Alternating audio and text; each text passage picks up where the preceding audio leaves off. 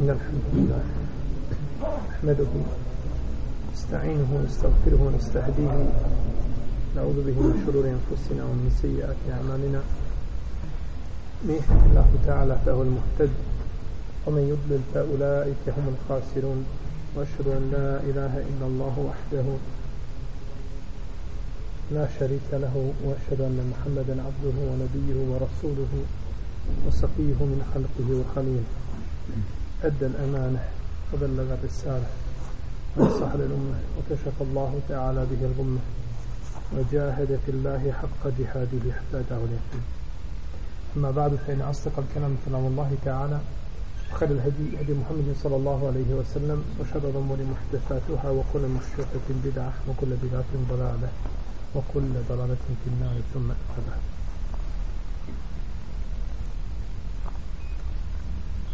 smo počeli u našem prethodnom druženju sa poglavljem Salatu Nisafir poglavljem koje govori o namazu putnika i danas ćemo nastaviti sa tim poglavljem i također u našem narednom druženju govorit ćemo o namazu putnika putnika Naredno pitanje koje je spomenuo autor jeste da li je uslov da put na koji putuje musliman mora biti put pokornosti da bi koristio Allahove olakšice ne mislimo konkretno na kraćenje namaza pošto govorimo o namazu putnika znači čovjek ako putuje u pokornosti Allahu ima pravo da krati No međutim, ako putuje nepokornosti, kakav je propis? Kaže džumhur islamskih učenjaka, iz, od njih su imam Malik, imam Šafja, imam Ahmed, da je kraćenje olakšica samo čovjeku koji putuje na put koji je pokornost stvoritelju Tebara Kevoteana. pa nije dozvoljeno čovjeku da krati namaz ako putuje da čini ono što uzvišen je Allah zabranio. Kao na primjer, da čovjek krene odavde da putuje do ne znam, do Bihaća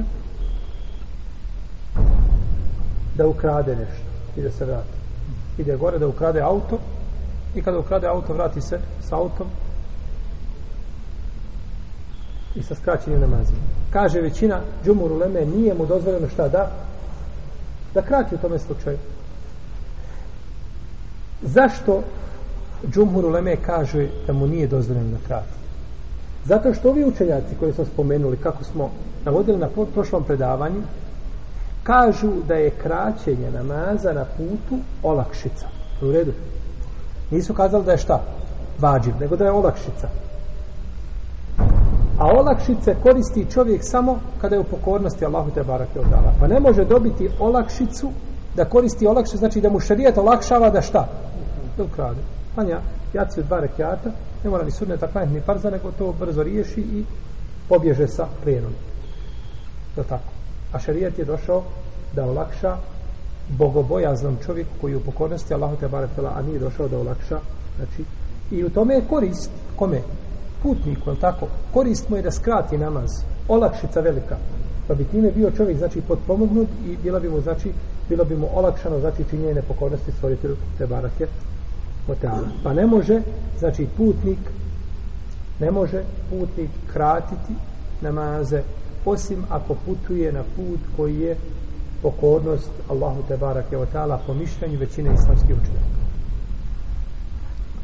No, međutim, kaže imam Ebu Hanife, i Ibnu Hazm i šeho Islame Gutejmije i drugi da je dozvoljeno čovjeku da krati tamo išao na put nepokornosti. Jer je on putnik. Jel putnik ili nije putnik? Jeste. To kojim cilje vide, to je druga stvar. No, međutim, da li je kraćenje namaza vezano za put ili za nijet nekakav ili za vrstu puta. Vezano je za put. Kakav god put da bio, bilo avionom, bilo autom, bilo na devi, bilo po kišu, snijeg, bitno je da je šta? Da je put. Pa kaže imam Ebu Hanife, u ovome slučaju on krati. I zašto još ovi učenjaci kažu da on krati namaz? Molim? Da, bravo. Zato što je kraćenje namaza po ovim učenjacima, odabrali su mišljenje da je to obaveza. Pa ta obaveza ne spada, ona je obaveza za njega, bio čovjek na putu pokoran ili nepokoran, ona je obaveza za njega da šta? da krati namaz, kao što je obaveza čovjeku u mjestu boravka, koji je nepokoran da šta uradi? Da u potpuni četvrti rad. Jel uvijek? Znači, isti su. Isti su, znači, obaveza jednom i drugom, ista jer ga, znači, šarijet ga obavezuje time. I ovo je jedno mišljenje kod malikijskih učenjaka. Znači, da će svakako, da će svakako kratiti. Jer sjećate se predaje Ajše i Ibn Abasa s prošlog predavanja, propisan je na nama, e, namaz na putu dva po dva, pa je tako ostalo na putu, a dodano je na u mjestu boravka. Pa propisan je namaz na putu koliko? Dva po dva. Pa je osnova, znači po ovome mišljenju da je namaz na putu tako propisan, nije šta. Pači da se ne radi o čemu? radi se o skraćivanju kad ga gledamo sa aspekta da na mjesto boravka klanja koliko? Četiri rekiata u protivnom, on je propisan kako? Propisan je dva rekiata na put. Pa kaže ovaj učenjac, on ima pravo, ima pravo da krati. Znači, ovo je vidno razilaženje među islamskim pravnicima, Allahu Teala Alem, da je ovdje mišljenje Ebu Hanife, Ibn Hazma i Šehol Islama im te ime da je jače. Da je jače. Da ima jače argumente i da su znači hadisi poslanika sa osnovu nisu napravili razliku među čovjeka koji putuje na ovakav i na onakav a međutim kažemo pitanje je predmet razilaženja među našim učenjacima od kada mu satir počinje da krati namaz od kada mu satir počinje da krati namaz složni su islamski učenjaci kako spominje Ibn Munzir, Ibn Kudame i drugi, da čovjek može kratiti namaz nakon što ostavi građevine svoga mjesta iza svojih leđa. Znači, kuće, stambene objekte koji su, je živi, gdje ostavi iza svojih leđa, odatle počinje šta? Kraćenje. Odatle počinje kraćenje. Znači, da ostavi kuće svoga mjesta iza svojih leđa. Tu nema razilaženja među islamskim učenjacima. No, međutim, spori se da li je dozvoljeno prije toga. Čovjek želi putovat u jedan sahat. Izgoda mu da kod kuće klanja podne i, i kindiju. Da li može u tome slučaju klanjati kindiju u kući ili ne može? Predmet je razilaženja među islamskim učenjacima. Ispravnije mišljenje je da ne može dok ne iziđe iz svoga mjesta dok ne iziđeš iz svoga mjesta. To je ispravnije mišljenje. Allahu Teala Alem, to je mišljenje imama četiri pravne škole. Ebu Hanife, Malika, Šafi, imama Ahmeda. Znači, svi kažu da mora izići, da mora napustiti, znači, mjesto svoga boravka. Dokaz tome je hadis koga bileže Buharija i Muslim. Od Anas ibn Malika da je rekao, klanjao sam sa poslanikom, sallallahu alaihi sallam, četiri rekiata u Medini, a klanjao sam dva rekiata na Zulhulejfa. A Zulhulejfa od Medine je tri mile. Pa je znači klanjao poslanik sa osanem u Medini, a od Zulhulef je kratio, znači da je bio putnik, pa ga je mogao odmah spojiti gdje? Iskratiti podne i spojiti, no međutim nije to poslanik sallallahu alihi wasallam učinio. Pa iz ovoga možemo zaključiti da je da je a, poslanik sallallahu alihi kratio tek nakon što iziđe van čega? Medine, jeste. Jer u vrijeme poslanika sa osrem Medina nije bilo u ovome obliku. Bila je puno manja. Oko džamije, gradić mali bio. To bi bilo u odnosu na sada na Medinu jedan mala čaršija, jedan mali dio Medine. Pa kada je izišao do Zulhulejfe, to je već bilo, dok se danas, znači građine, sve se proteže do Zulhulejfe. Našao sam kod Ibn Batala u njegovom dijelu, u njegovom komentaru na Buharin Sahih, u trećem tomu na 82. strani, da kaže složni su fakihi iz svih predjela da mu safir neće kratiti namaz dok ne napusti a znači ili dok ne pređe ili dok ne ostavi objekte stanovanja ili objekte znači kome ljudi borave iza svojih leđa objekte svoga mjesta on spominje konsensus međutim postoji pak razilažen nije svaki konsensus koji je spomenut stvarni konsensus nekad ulema spomene konsensus ali u stvari postoji šta postoji razilaženje Pa ispravno da ovdje postoji razilaženje, no međutim, no međutim, ovaj, kažemo, izazita većina učenjaka smatra čovjek mora izaći. Čovjek mora izaći. Da ostavi građevine iza svojih leđa. U fikskim knjigama sjećam se da učenjaci kada raspravljaju o tome koliko a, šta se sve mora ostaviti iza leđa. Ako se ostave neki napušteni objekti, šta je onda? Imate, znači, kuće, imate jedan dio napušteni objekata. Znači, da li se ti, kod tih napušteni objekata može krati? Kao recimo mi danas imamo hale, ove radne, gde ljudi borave preko dana, preko noće testo napušteno nikoga nema, niko to ne stanuje. Da li se mora i to preći ili se može već, jer je dovoljno ostaviti samo objekte, striktno stambene objekte. I oko toga, znači, raspravljaju čak ni taj detalj nisu ostali da ga nisu, znači, pojašnjavali i o njemu pričali, pa ili, ili a, mjesto gdje boravi vojska jedno vrijeme pa se vraća nije stalno znači mjesto čega da li i to mora mi danas imamo sigurno znači takvi objekata koji mogu biti koji mogu biti poput radnih, radnih mjesta i slično tome koji mogu biti znači a, predmet onoga o čemu su razgovarali sam slučajac u davna u davna vremena u svakom slučaju pravilo je kod nje da ostavi znači kuće u kojima ljudi borave iza svojih iza svojih leđa. Učenjaci koji kažu da čovjek može spojiti kod svoje kuće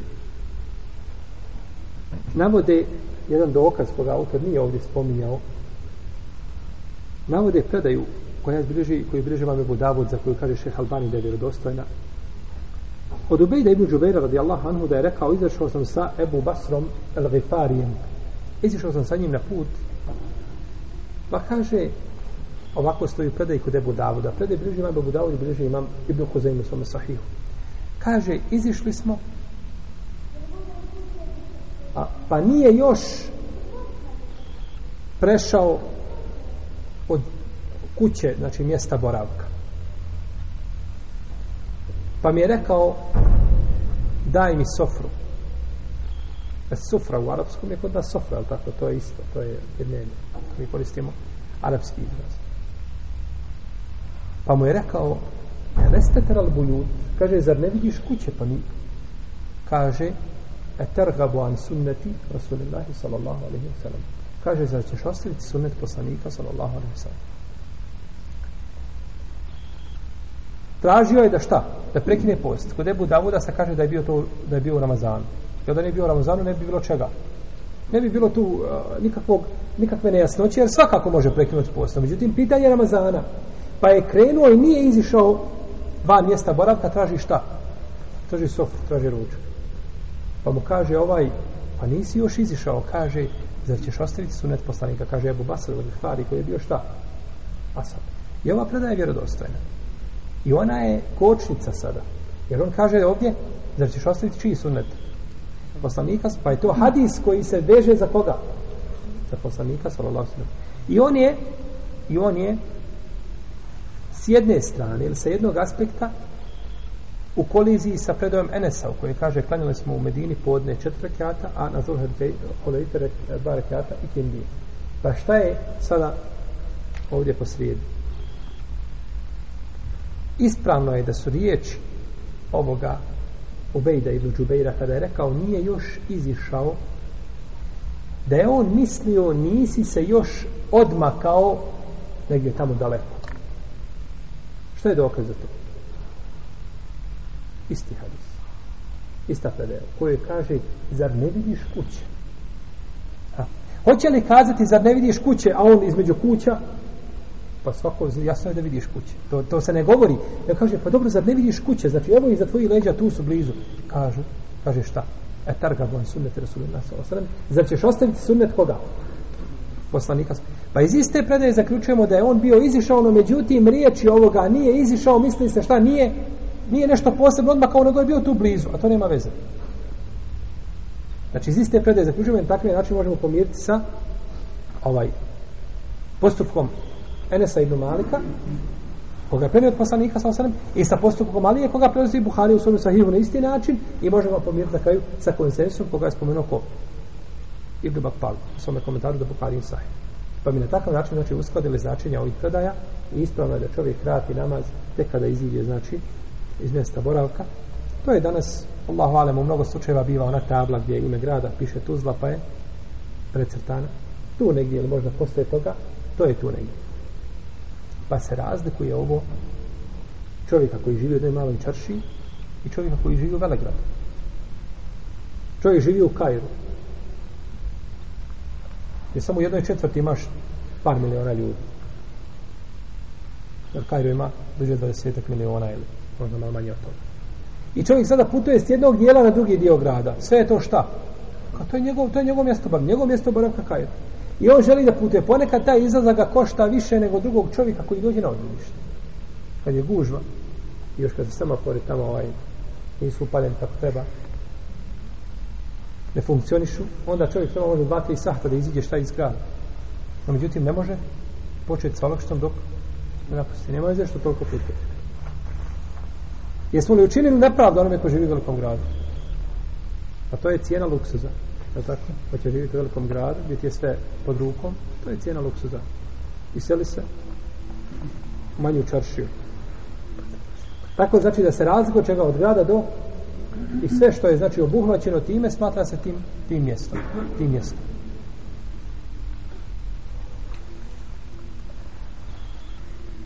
koliko čovjek dana treba da boravi u jednom mjestu da bi mogao kratiti namaz Musafir ima pravo da, da krati namaz dok putuje. Znači dok je u putu ima da pravo kratiti namaz bez obzira koliko putuje on dan, dva, tri, pet, deset mjesec nije bitno, znači on će cijelo vrijeme šta kratiti namaz koristiti tu olakšicu.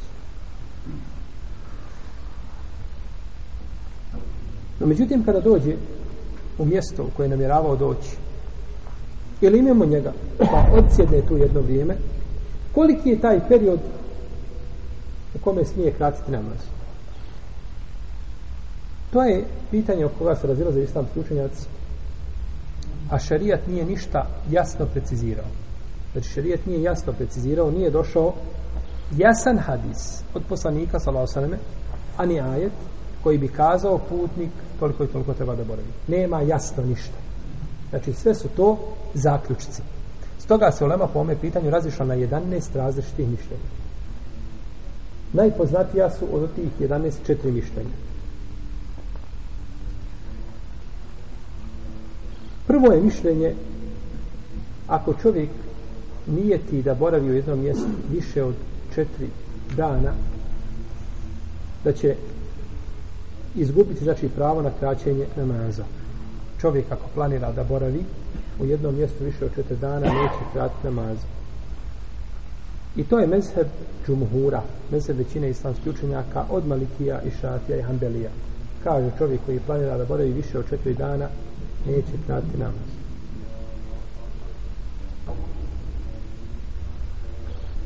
Jedino su malikijski i šafijski učenjaci kazali četiri dana, ali neće računati dan ulaska i dan izlaska. Znači bez dana ulaska i dana izlaska. Ta se dva dana neće računati, dok hambelijski učenjaci kažu 21 namaz. 21 namaz. I dokazuje to hadisom u kome stoji da je poslanik sa osaname ušao u Meku četvrtog dana Zulhidžeta ujutro pa je boravio četvrti, peti, šesti, sedmi dan izišao je ujutro osmog dana na minu pa nije napunio četiri dana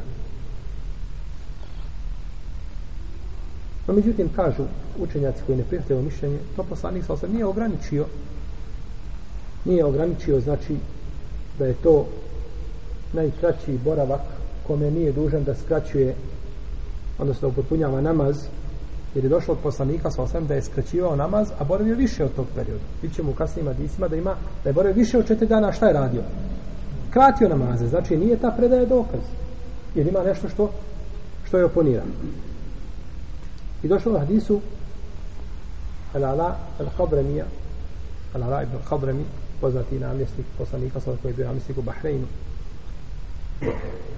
Kaže za njega imam Zehebi u Siru i prije toga spomenuo Ibn Sadu djelu Tabakatul Kubra da je prešao more sa vojskom na konjima. Znači cijelo more je pregazio konjem. Kaže se da je jahao po moru kao po pustinji kada malo ovaj, pokosi kiša pustinski pjesak da je tako jahao po moru znači i prešao more. Kaže da je, rekao, čuo sam poslanika sa osreme da kaže Muhađir će boraviti u Mekki nakon obreda tri dana. Muhađir koji je izišao u Hidžru iz Mekke u Medinu prije oslobođenja Mekke boravi u Mekki nakon obreda samo tri dana. Kažu ovi učenjaci i ovo je dokaz da boravkom tri dana čovjek ne biva domaći, nego biva šta? Musafir. Jer muhađirima nije dozvoljeno da se vrate gdje? U Meku i da u njoj borave. Pa kaže, tri dana im je dozvolio. Znači, ako borali bi četiri puna, bili bi šta? Domaći, više ne bili putnici.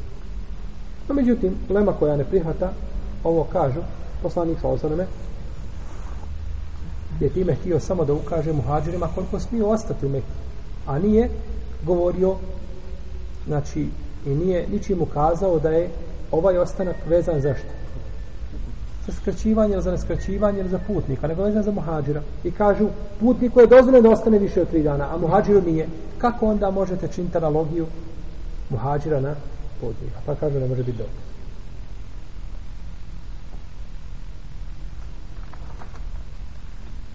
Drugo mišljenje, ako čovjek nije ti da ostane u jednom mjestu 15 dana, pa više neće kratiti. To je stavi Mala Ebu Hanife iz Seurija i Mamel Muzeni od šafijskih pravnika. Dokaz im je hadis Enesa ibn Malika u kome kaže izišli smo sa poslanikom Salosanome iz Medine ka Mekki pa je klanjao po dva rekiata sve dok se nismo vratili. Pa je upitan koliko ste boravili u Mekki, koliko ste ostavili, ostali u Mekki, kaže ostali smo deset dana. Ostali smo deset dana. 30 dana ostao u Mekiji, šta je sve? Podva. Kratko. Pa može li onda biti prvi dokaz 4 dana kada je ušao? Ne može, jer ovdje ima 10 dana. A međutim, ovdje je 10 dana bilo opet nađu. Pa je ista ova predaja kao šta ona? Prva. Radi su istoj predaji. O istom događaju. A ovo je jako bitno da znamo kada se je to desilo. Pa je hađ nešto drugo. Kazat ćemo šta je. Pa znači, ne ova predaja ovdje, na ovome mjestu ne može biti argument.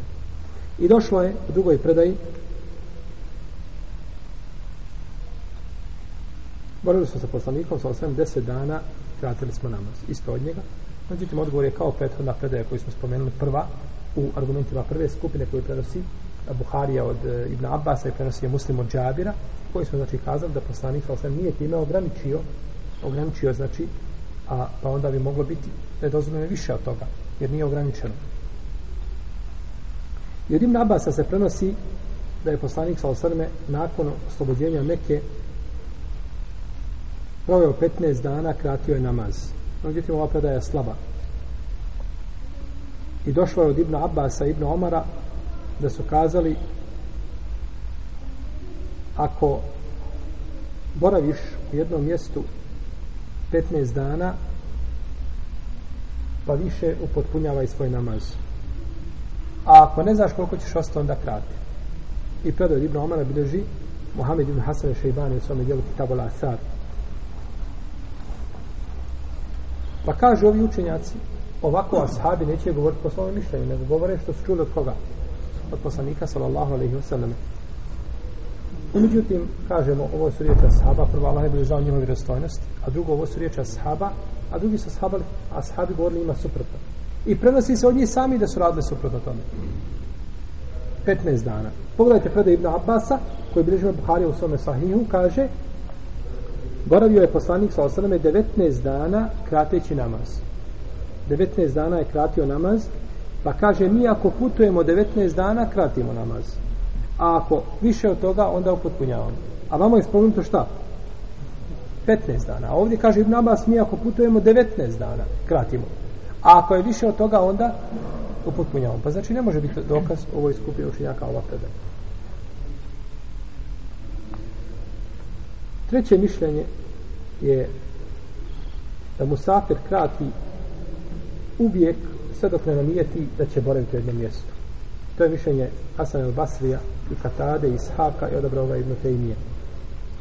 Pa su to dokazivali predom Ibn Abasa u kojoj se kaže da je poslanik sa osrme boravio kaže, boravili smo sa poslanikom, sa osaname, 19 dana i kratili smo namaz. Pa ako boravimo, ako boravimo 19 dana u jednom mjestu, kaže, kratimo, a ako više od toga, onda upotpunjavamo. I dokazuje to predajom Džabira, koji bilo živa Mahmed i Ebu Davud sa vjerodostojnim lancem prenosilaca, da je poslanik sa osaname boravio na Tebuku 20 dana i kratio namaz a u prvoj predaj 19, sada 20 dana. I došlo je u predaju da je Imrana Ibn Husajna, da je rekao, bio sam sa poslanikom, sa osvrame u bitci, i to je bilo oslobođenje Meke. Pa je boravio u Meke 18 dana i noći, klanjao je po dva rekiata. I govorio je, osnovnici Meke, upotpunite svoj namaz, mi smo putnici. Ali ova predaja, ova predaja je predaja Kažu ovi učenjaci, Katade, i Šeho Slavim Tejmije i prije toga Hasan Basri i Ishaq kažu pogledajte ovdje 1.19, 1.20, 1.18 pa to kažu to nije određeno šarijatom nego sve dok si putnik kratiš sve dok si putnik kratiš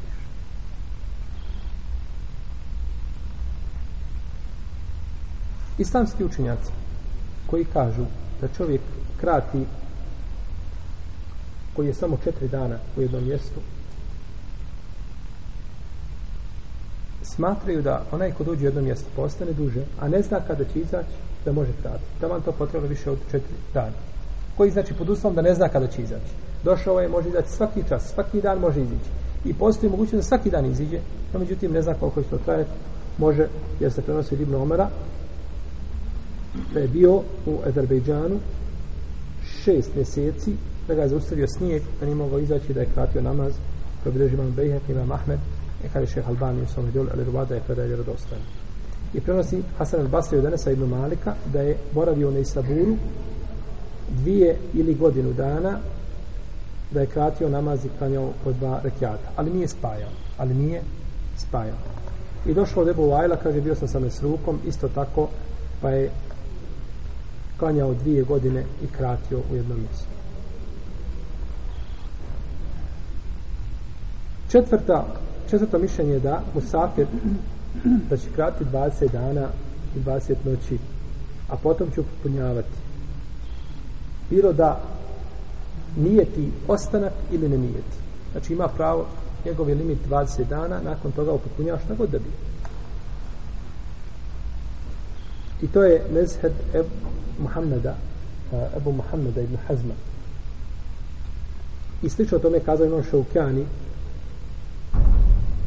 samo što on kaže ako nije ti da ostaje onda neće krati nego samo četiri dana a nakon toga nakon toga će upotpunjavati a ako ne zna kada će onda klanjati 20 dana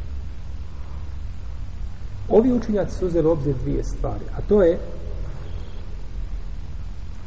da ovdje nema ibrata da nije ti šikamet, odnosno boravak u jednom mjestu. Kažu, jer nijet nema s ovim veze. Nijet nema s ovim veze. Čovjek ne mora nijetiti put da bi mogao šta? Krati namaz. Ne mora imati nijet put. Može izaći samo do fizike, znači dovoljno je da krati ne mora nijetiti put, jer nijet nije potreban za mubah. Nijet nije neophodan zašto? Za mubah, nego za ono što je Allah naredio. A putovanje je šta? Mubah dozvoljena stvar. Pa zato ne treba nijet. Zato ne treba nijet. I za sredstva ne treba nijet. Ne treba ti nijet da obučeš košulju s nijetom da bi pokrio stidno mjesto da možeš klanjati. Je li tako? Ako bi čovjek obukao košulju i pokrio stidno mjesto ili kapu u todiću, nije bitno. I klanjao, nije nijetio pokrivanje stidnog mjesta, ali isprava namaz. Jesu. Jer to pokrivanje nije ciljano šta samo? nije cilja, nego je to sredstvo za upotpunjavanje ibadeta. Isto tako, druga znači sredstva, za razliku recimo od abdesta samo, koji je ibadet sam posebno. Kod većine je islamski učenjak.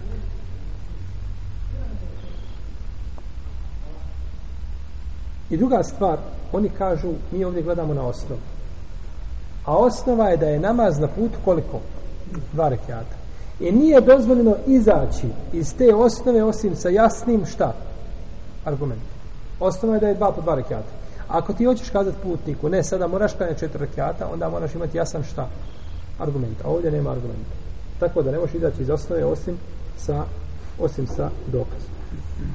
Autor dalje kaže Ar-rađi hukul mes'ele ili kaže prioritetnije mišljenje po ome pitanju jeste da Kur'an i sunnet nisu ograničili znači boravak čovjeka. Nema u Kur'anu i sunnetu nego putnik i čovjek koji boravi mjesto boravka, domaći. A što se tiče čovjeka koji dođe u strano mjesto, može biti čovjek koji je došao i uzeo sebi stan, ne kupio, ne iznajmio ili nije bitno, i opremio ga i planira se zadržati u šta jedno vrijeme. Pa on biva u hukmu ili u propisu čovjeka koji je u svome mjestu boravka. Znači uzeo stan, opremio ga, kupio sebi frižider, kupio sebi šporet i tako dalje. Pa je on u propisu da je kao domaći, pa nema pravo ni da krati, ni četiri dana, ništa. Dok dođe tu, dok je tako opremio, se gotovo. On je šta? U propisu čovjeka koji upotpunjava svoje namaze. Jer drugi koji dođe, jer ovaj čovjek osjeća znači da je tu smjestio se, da se je tu usidrio i kao da je njegova šta kuća. Za razliku od čovjeka recimo koji otputuje iz jednog mjesta, drugo otputuje iz Sarajeva mosta i dođe u Mostar, ima tamo tetku i amiću, prijatelja, pa će boraviti mjesec dana dole, no međutim ode kod jednog sedmicu dana, pa kod drugog sedmicu, pa kod trećeg. Nigdje se nije smjestio, nego je sve onako upakovano u koferima. Znači nije šta, smjestio se. Kaže, takav je u propisu putnika, tamo ostao i duže, i duže vrijeme. Ovo je autor odobro kao mišlje. Znači, njegov stav je da putnik čovjek koji se ne smjesti na jednom mjestu, nije on je putnik u bilu. Jer znači ne, ne, ne, ničim ne ukazuje da se on znači a, smjestio ili da je uzeo to mjesto kao mjesto u kome će boraviti. Pa bi na takav način ostao i dalje u propisu putnika. No međutim, ovo je jedno mišljenje. Ja. Imamo i drugo mišljenje. A to je mišljenje džumhura. Ili jedno od jedanest mišljenja. A to je da se krati samo četiri dana. I Allah najbolje zna da je mišljenje od četiri dana preće sigurnije. Jer je to najmanje što je kazano po pitanju čega?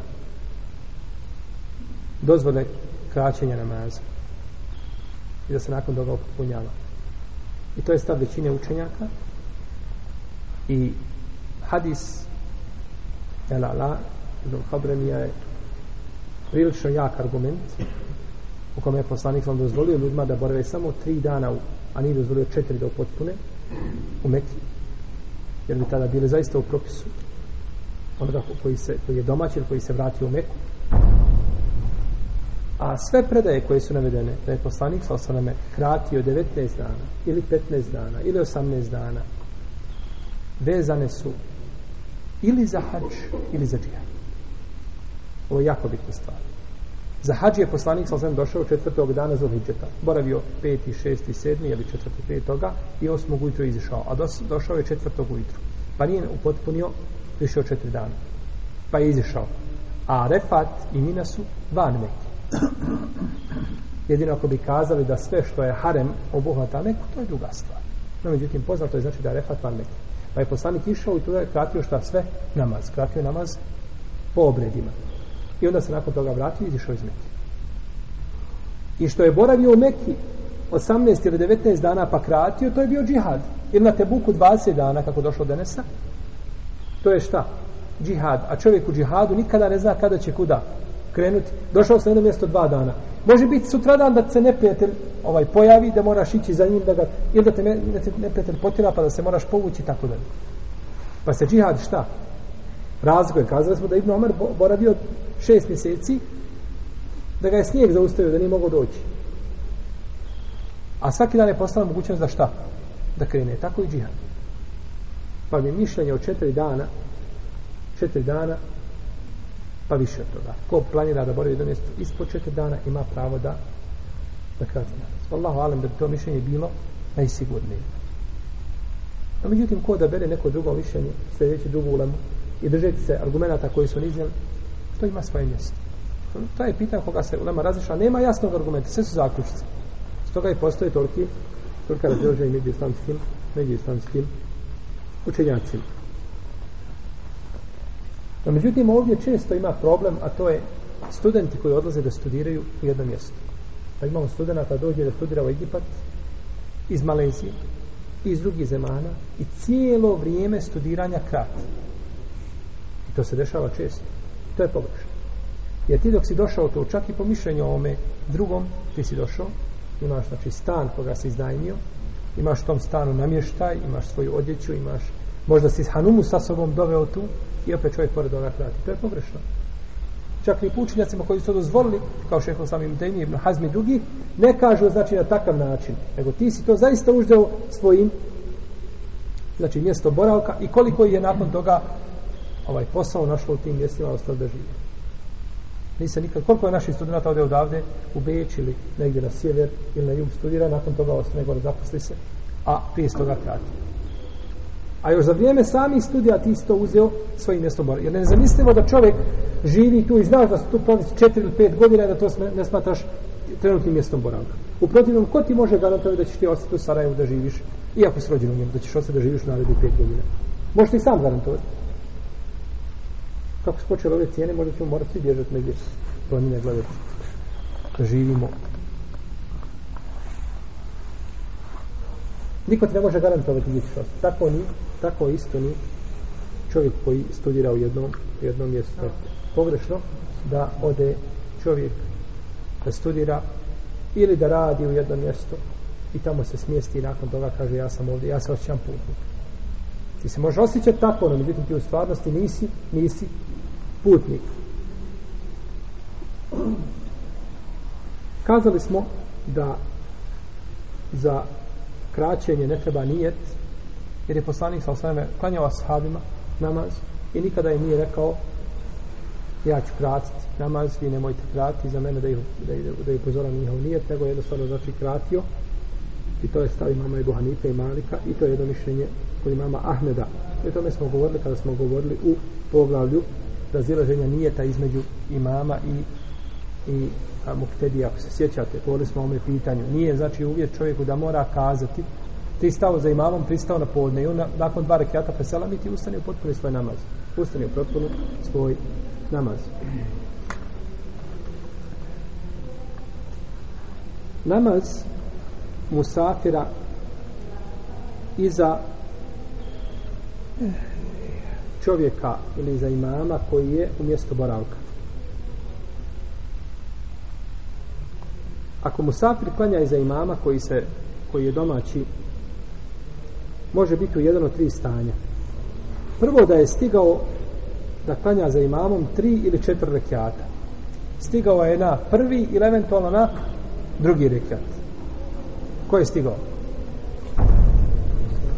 Molim, Musafir je stigao iza imama imama u džami koji je domaći koji je četiri rekiata podne stigao je na prvi ili na drugi rekiat tako je stigao četiri ili tri rekiata da klanja za njim mora upotpuniti namaz po mišljenju većine islamskih učenjaka zbog riječi poslanika sallallahu alaihi sallam innema ju'ina imamu li u'teme bihi fada tahtelifu alaihi imam je da slijedi pa nemojte se razilaziti od njega i nemojte se razilaziti sa njim došlo u hadisu Musa ibn Seleme Al-Huzani radijallahu anhu da je rekao, pitao sam Ibn Abasa kako će klanjati čovjek ili kaže kako ću klanjati ako klanjam u Mekki a ne klanjam sa imamom kaže klanjaj dva rekiata to je sunnet sunnet Ebel Qasim to je sunnet poslanika pa mu je rekao kako ću klanjati ako ne klanjam i za imama u Mekki klanjaj dva što znači ako, ne, ako klanjaš sa imamom klanjaj drugačije, znači klanjaj namaz imama. I došao je u drugoj predaji da je rekao mi kada smo sa vama klanjamo četiri rekiata, a kad se vratimo u naše šatore klanjamo po dva rekiata, pa kaže tilke sunnetu Ebil Qasim, kaže to je sunnet Allahov poslanika sallallahu alaihi wasallam. I došao od Ibnu Omara da je bio u Mekki i kratio je namaz deset dana osim kada dođe za imamom klanjao bi kako oni klanjaju a u drugoj predaj klanjao bi za imamom kako klanja imam a kada bi klanjao sam klanjao bi četiri kjata to je prvi slučaj znači da stigneš za imamom kao putnik na prvi da stigneš ili na drugi rekiat četvoro rekiatnog namaza drugo, drugi, drugo, drugo stanje drugi hal u kome se može naći ovdje putnik jeste da stigne za imamom dva ili jedan rekiat. Znači stigneš na treći ili na četvrti. Stigao si na treći ili na četvrti, pa stigao za njim jedan ili dva rekiata da klanjaš. Ovdje u Lema imaju, imaju podijel, u svakom slučaju imaju podijeljena mišljenja, pa je prvo da mora upotpuniti opet četiri šta rekiata. I ovo ovaj je stav učenjaka četiri pravne škole. Imami četiri pravne škole kažu da treba upotpuniti ovdje namaz imama i to je stav Ibn Omara, Ibn Abasa iz skupine Tabijina i to dokazuju prethodnim predajama koje smo spominjali i to dokazuju idem isto tako predajom Ebu Muđlizija ili Ebu Muđliza da je, kaže, rekao sam Ibn Omaru ako ljudi kanjaju ili ako stignem na namaz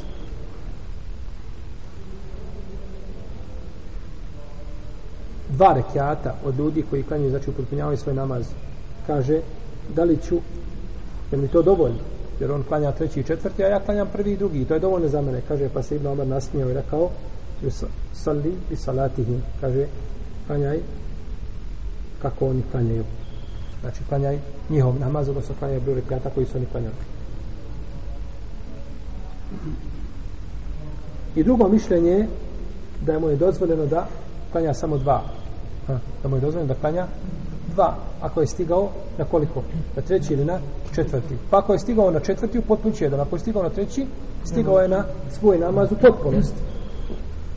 I ovo je stav Ishaqa i Tausa i Šabija i Ibn Hazma i drugih učenjaka. No, međutim, prvo mišljenje je jače, mišljenje imama četvrtane škole, jače zbog općenitost hadisa. Klanjajte kako imam klanjanje, nemojte se razilaziti od njega. I treće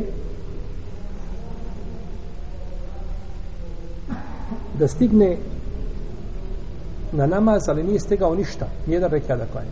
A, stigao je na sjedenju, ili je stigao posle rukua četvrtog rekiada, ili je stigao na seždi, na seždama četvrtog rekiada. On nije stigao da klanja šta jedan rekiad za imamom. Pa u ovome slučaju, kaže Hasan Basri, Barahime, Nehaj, Zuhri, Katade i Malik, da može skratiti. Suprotno džumhuru, džumhur opet kaže šta? Ne može. Zašto ovi učenjaci kažu da može skratiti? Ha, ko stigne na jedan rekat, stigne na namaz. E baš tako. Poslanik sam kaže, ko, kaže, ko, ko stigne na jedan rekat, stigao je na taj namaz. Ovaj nije nikako stigao na šta, na taj? Pa u stvari nije stigao nikako na namaz za... Pa s te strane mu dozvoljaju da klanja koliko?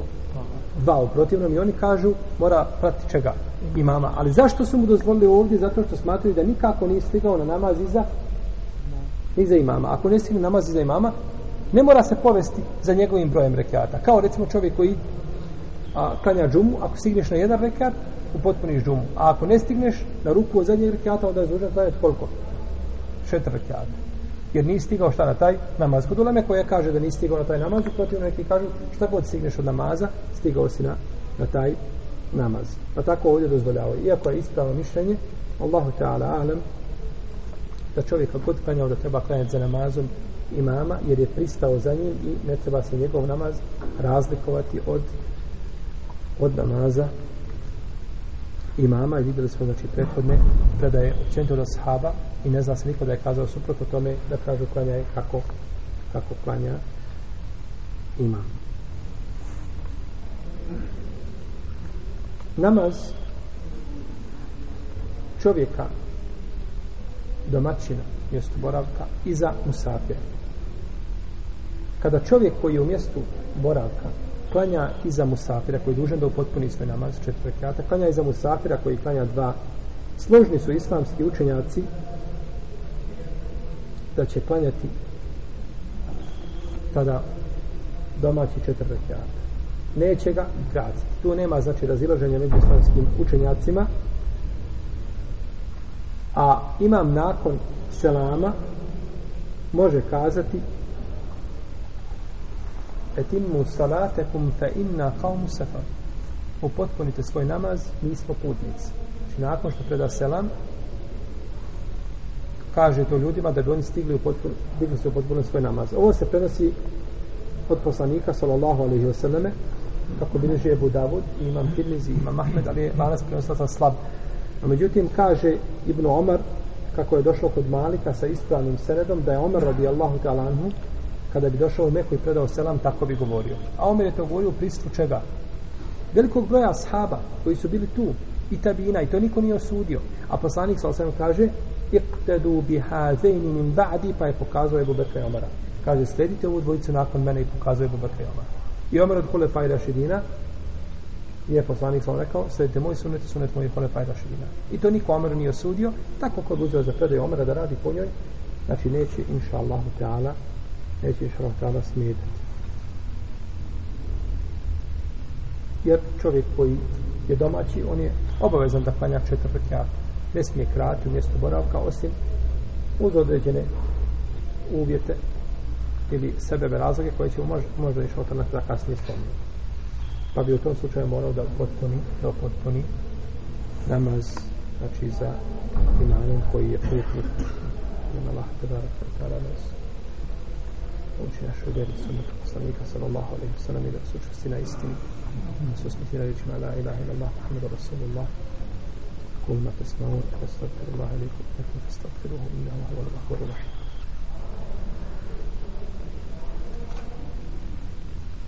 Ako ima pitanja vezane za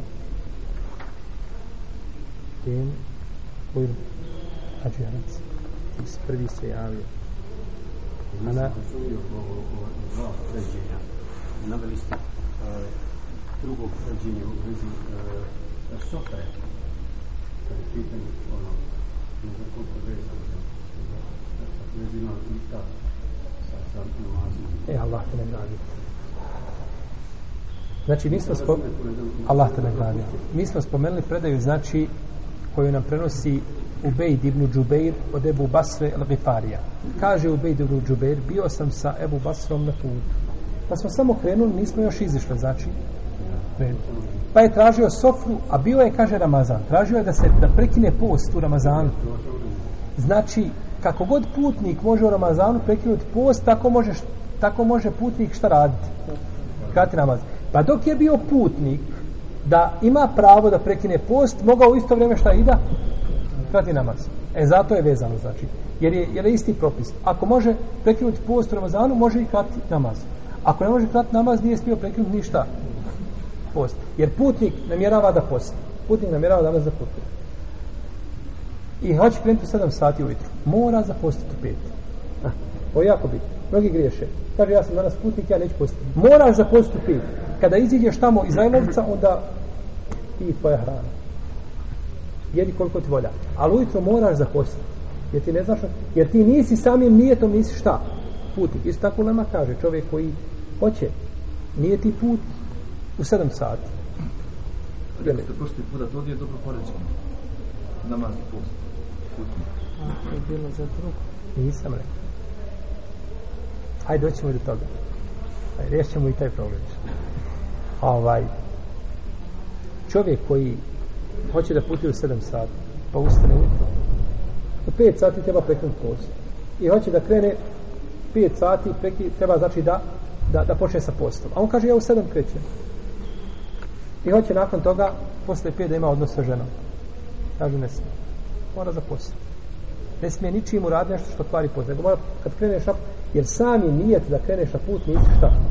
Put. E tako je ovdje bilo. Pa onda smo mi uradili, šta smo mi uradili? Da bi pobjegli, da bi dokazali da to nije bilo u mjestu boravka, kazali smo da je rekao, pa zar ne vidiš kuće? E, znači već bilo, dok kaže za ne vidiš kuće, jer da smo, da smo okolo kuće nema potrebi, rekao bi, pa vidiš ti gdje si? A tako, nego bi rekao, kažu, da li vidiš kuće? To je jedno. Šta sam ja rekao za jednu kuće? Reci. Pa čini mi se prošli utorak, da ste rekao, ovaj, da, da neki učinjaci kažu da to nije dobro poređenje, ne, neki ste primjer navodili, ovaj, vezano za post putnika i za namaz putnika. Pa ste rekli da neki smatraju da to nije dobro poređenje. Ako sam dobro zapravo. Je bilo to? Jesu.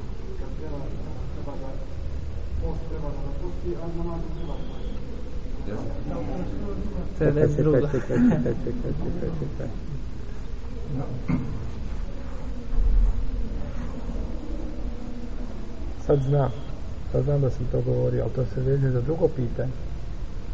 Za prvo.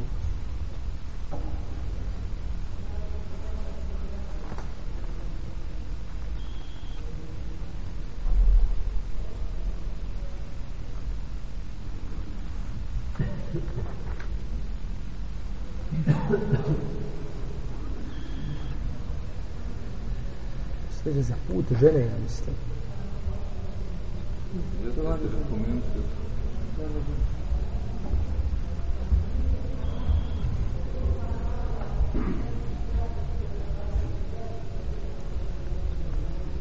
Kada mogu ja tačno, kada mogu ja reći tačno šta sam kazao, moram pa vidjeti.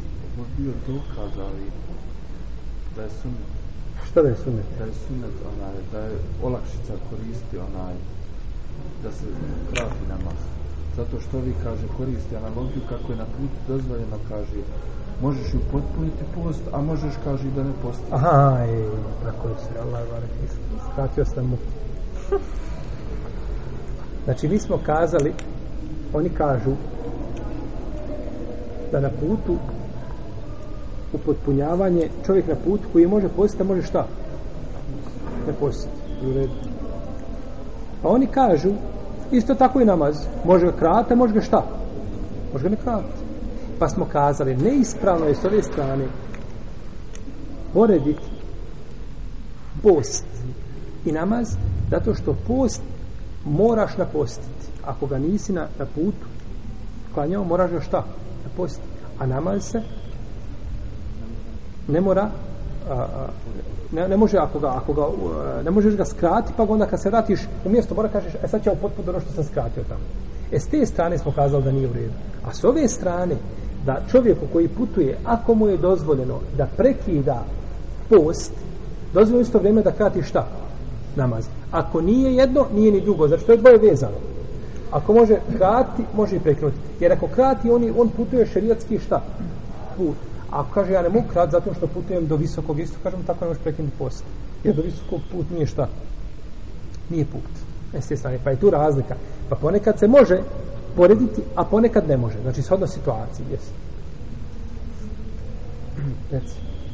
Onaj, e, recimo, student koji dođe, recimo, u Sarajevo da studira i on je se smjestio, znači, i on godišnje ode možda dva puta, tri kući. Put po nekoliko dana. E sad u tom slučaju kad ode odavlje u, u svoje kući odakle je došao, recimo dva dana bude tamo.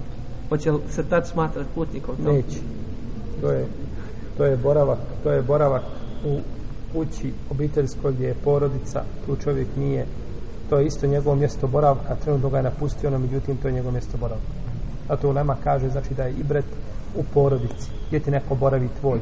Pa čak neki kažu, kad čovjek imao svoju kuću, daleko, Bude u svoju kuću pustan i nema samo dva, tri dana da nešto obavi i vraća se da onu travu okolo kosi oko kuće da malo uredi dvorište i vrati se nakon dva ili tri dana, čak i tu šta? Neće upotpunjavati namaz, nego krati. Jer to, iako je njegova kuća, nema tu nikoga. On nije tu šta? Smijen nije se tu usidrio, jel tako? Nema ništa. Pokući ono što imaju ljudi su razmijeni, jel tako? U nas kuće gdje ostanu puste, ništa nema više u njima. Opuste ih oni. Opuste ih oni.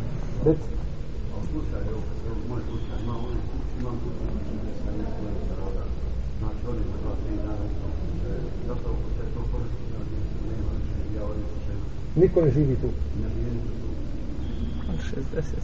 Prvo, što se tiče daline, braće, samo.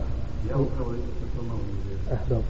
Što se tiče daline same za kraćenje, mi ne možemo, ovaj, nemoguće je sva ta pitanja, dotaći će se i možda i sjetce pitanja koja se vežu za... Autor je spomnio jedan dio toga. Spomnio jednu desetinu možda pitanja koja se vežu za sve to mi bismo ostali jako dugo kada, kada bismo spominjali ja bi imao sada pred, nakon ovoga što kada sam sve ovo ispričao imao bi još jedno dva ili tri predavanja ako ne i više da napravim po pitanja vezana za kraće namaze pite putnik i ostali bi onda prišto namazu puti ne nikada, nikada ne možemo izaći od odatle ali kada se radi o ograničenju putovanja mi smo kazali koliko 48 milja u redu je li to 68 milja tačno tahdid ili je to približno Većina učenjaka kaže, kada se govori o ograničenju, da je to približno. Pa neki su to ograničili da može biti dvije milje manje, neki kažu da može šest, bila, šest milja biti manje, neki kažu da može 40 da može biti. Čak imam neovih, koliko se ćemo El Međmua, spominje 40 milja da može biti, ne mora biti 48. Ali približno neki je 48 šta? Milja. Tako znači da to nije ograničeno. Tako da, ako nema nikoga u toj kući, iz tog razloga bi mogao putovati, iz tog razloga bi mogao kraći. E sada, pitanje kraćenja 70 km, a to je 70 km, to je pitanje na granici ili možda ispod granice. Preće je, braćo, čovjeku koji, to je ispravnije mišljenje kod islam slučenjaka, čovjek koji ne zna za daljinu da li jeste ili nije, preće mu ide u potpuno. Preće je čovjeku, znači da u potpuno ne zna za daljinu jeste ili nije, da u potpuno. Šta je dokaz za to? Vidite, čovjek koji putuje, ja sam krenuo iz Sarajeva i osnova je da sam ja šta? Da sam ja domaći. Ali idem na jedan put koji nije šta? Šubheli. Nije put kao put, nego šta je šubheli? Dalina. Ali je osnova, asl, da sam ja šta? Domaći, slušajte dobro. Da bi nešto sad promijenilo ovu moju osnovu, mora li to biti kategorički jak argument ili može biti nešto šubheli? Kategorički jak argument. A ja idem cijelom ovom putu ne mogu ha, da odredim je li to mm. zaista put ili nije. E, znači, tu moju osnovu mijenja nešto što je šubhel i ne može promijeniti. Tako da je čovjeku preče i bolje islam slučajac kažu gdje ide na put ako ako je put ovaj nije 100% jasan.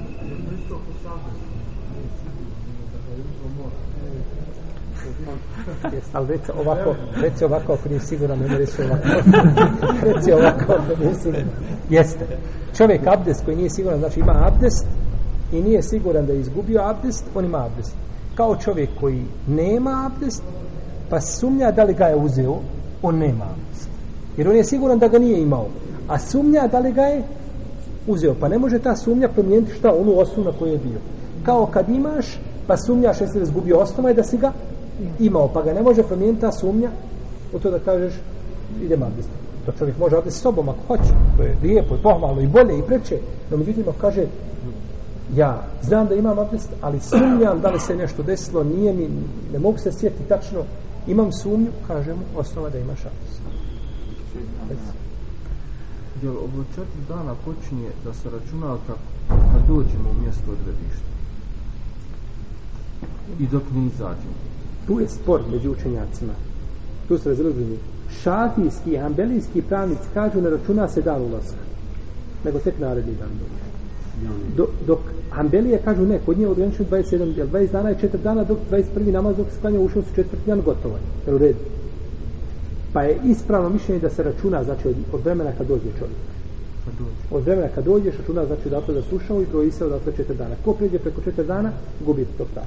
Ako ne broja sam do namaza. Sve trati namaz u službi, trati spaje. U ovom se reći, kad je boravio u godinu dana, kratio je, a mi spaje. Enes, kad je boravio na Isaburu. Jeste. Dobro. Pa jeste, Enes je boravio na Isaburu i on je kratio, ali nije spajao. Zato što je kraćenje namaza, kazali smo kod hanefijskih učenjaka i kod Šrkom Islama Ibn Tejnije i kod Ibn Hazma i drugi, da je to vađin. Pa je kraće namaza obavezno, a spajanje je olakšica kod svih. Pa čovjek nas spaja namaze kad ima potrebu. I na putu je bolje namaze klanjati u njihovom vremenu ako čovjek ima šta? Mogućnost. Putuješ iz Sarajeva, na primjer, ne znam do, šta ja znam, do dokle, do jajca, do Petrovca, nije bitno. I znaš da ovdje su ili li si već krenuo, znaš, podne ćeš klanjati negdje, šta ja znam, u kapnju, na primjer. Ali znaš da si već u ikindijsko vrijeme došao u donji vakuf. Bolje ti da ovdje klanjaš podne, pa da gore klanjaš šta? Ikindiju. Da razvojiš. Da svaki namaz klanje vore. No, međutim, ako imaš bilo kakvu potrebu, onda ćeš šta raditi? Spojiti. Znaš, na primjer, da u to vrijeme doćeš gore i moraš čekati 20 minuta namaz, kažemo spojiti ili znaš da ti nije sigurno da staješ tu u tome gradu iz ovog razloga, ili, ili, tako da putnik, znači, spaja kad ima potrebu. Tako da čovjek uđe u džaniju, došao čovjek ovdje puto, putova, na primjer, iz, a, putuje, na primjer, iz, a, ne znam, Bihaća, putuje za Sanđak. I došao u Sarajevo. I došao ovdje na podne i bit će ovdje do predakšan. Predakšan pola sata će krenuti ponovno. Klanja podne sa imamom i ustane i spoji. I nakon toga ovaj uči kindiju, ja znam šta će on raditi, klanjati na filmu. Iz kog razloga spojio? Ti boraviš tu svakako, tako se ćeš do kindije. Zašto si spojio? Nikakve olakšice nemaš u spajanju tu. Spajanje je olakšica. No međutim, čovjek ovdje umoran, a treba krenuti na put. I kaže, ja bi spojio sada i zamom, ja ostajem u džami, ali ja hoću da odem negdje gore na, ne znam, na krov, da ja gore spavam. Ili da odem negdje tu hotel da spava do production. Kaže, on spojio. Jer mu je taj odmor šta? Potreban da nastavi put, potreban mu je. Ljudje čovjek nije umoran, dvojica, trojica voze njenje, tako da li kažemo, nemoj šta, spajati za imama. Pa je spajanje znači olakšica koja se koristi pri potrebi. Ako nema te potrebe, čovjek koje bolje da ima. Ako prolazi znači kroz mjesta gdje ima stalno džamija, lahko se abdestiti, lahko stati, lijepo da se osvježi, bolje mu je. No, međutim, ako spoji, je li griješan? Je li mu ispao namaz? Jeste. No, međutim, u tom slučaju je bolje da ne koristi tu štapu. I dok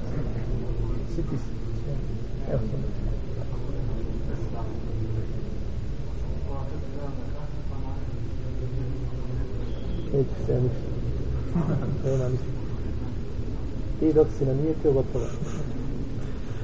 Ja sam u stvari, znači, išao s autobusom van države, van granice. U jedan tačno autobus, u jedan i nama u vrijeme nije sam ja mogu spojiti tad, recimo, to su, ne mogu da izađem za okolos, ne mogu da klanjam u okolos.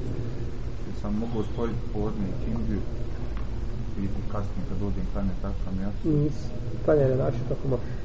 Klanjaj, prelazim sve isto kako možeš. jer tebe še jedna prečeno tvoji mogućnosti, a ti samim tim polaskom da je u tom skrti nije bio put. Nisi bio, znači, tim samim nije to nije bio put. Stignemo i nešto boravimo, živimo na, a još trajimo u namazku vrijeme, potpunimo namazku. Jes. E, dok u isto ovo, što smo govorili, tamo gdje, gdje ona izišao, vam u Renovcu, gdje je smio, šta, skra, koji ti smiješ skrati? Jer se prenosi Bibli Omara, da je dolazio, da je izlazio iz, iz Medine i gledao Medinu i kratio. I kada se je vraćao, da je gledao Medinu i kratio. Znači, gledao je u Medinu, a nekad je ušao gledao je Medinu, šta je gledao u Medinu ispred sebe. Znači, sve dok ne uđeš, tamo odakle smiješ početi krati, kad se vraćaš do istog mjesta, smiješ šta krati. Dok uđeš u to mjesto, izgubio se ovlast. Yes.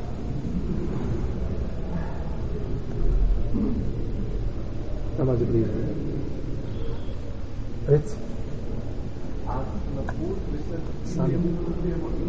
Doćemo. Vraćamo se u svoje mjesto ali pa nama su bili što to znači recimo sad tu ti rukavno smo izbili negdje tamo u Moskvi ja vam se vraćamo sa vama dolazimo vamo na tu paljaci dobro a nismo se stali da klanjamo vaše bili smo u tom smo gdje su trebali klanjati u tom i učinom se možemo klanjati kad dođemo sa Sarajevo iako ćemo doći u Moskvi Jedan stav kod hambelijskih učenjaka jeste da je takvom čovjeku dozvoljeno da kad dođe da klanja. Dođeš u svoje mjesto i klanjaš akšam. Jer ti si putnik. I mi te u putu ne možemo prisiljavati da, da klanjaš namaze. Pa imaš olakšu se da spojiš. A doći u svoje mjesto boravni. Klanjaš kad dođeš, klanjaš namaz. A kad dođeš kući, ako nisi uspio put, negdje stati klanjati akšam. Kad dođeš kući, klanja akšam. Ovaj. I samo taj namaz koji klanjaš, ako je recimo akšam, jasno je, ako je recimo podne, pa došao su kimijsko vrijeme, klanjaš podne četvrti dan, klanjaš više traga. A drugačije klanjaš u svom vremenu kad dođeš, iako je treći čovjek, ako može negdje uspud, da ga, skra, da ga klanja skraćeno, radi, razila, radi izlaženja, iz razilaženja u islamskim učenjacima. Allah.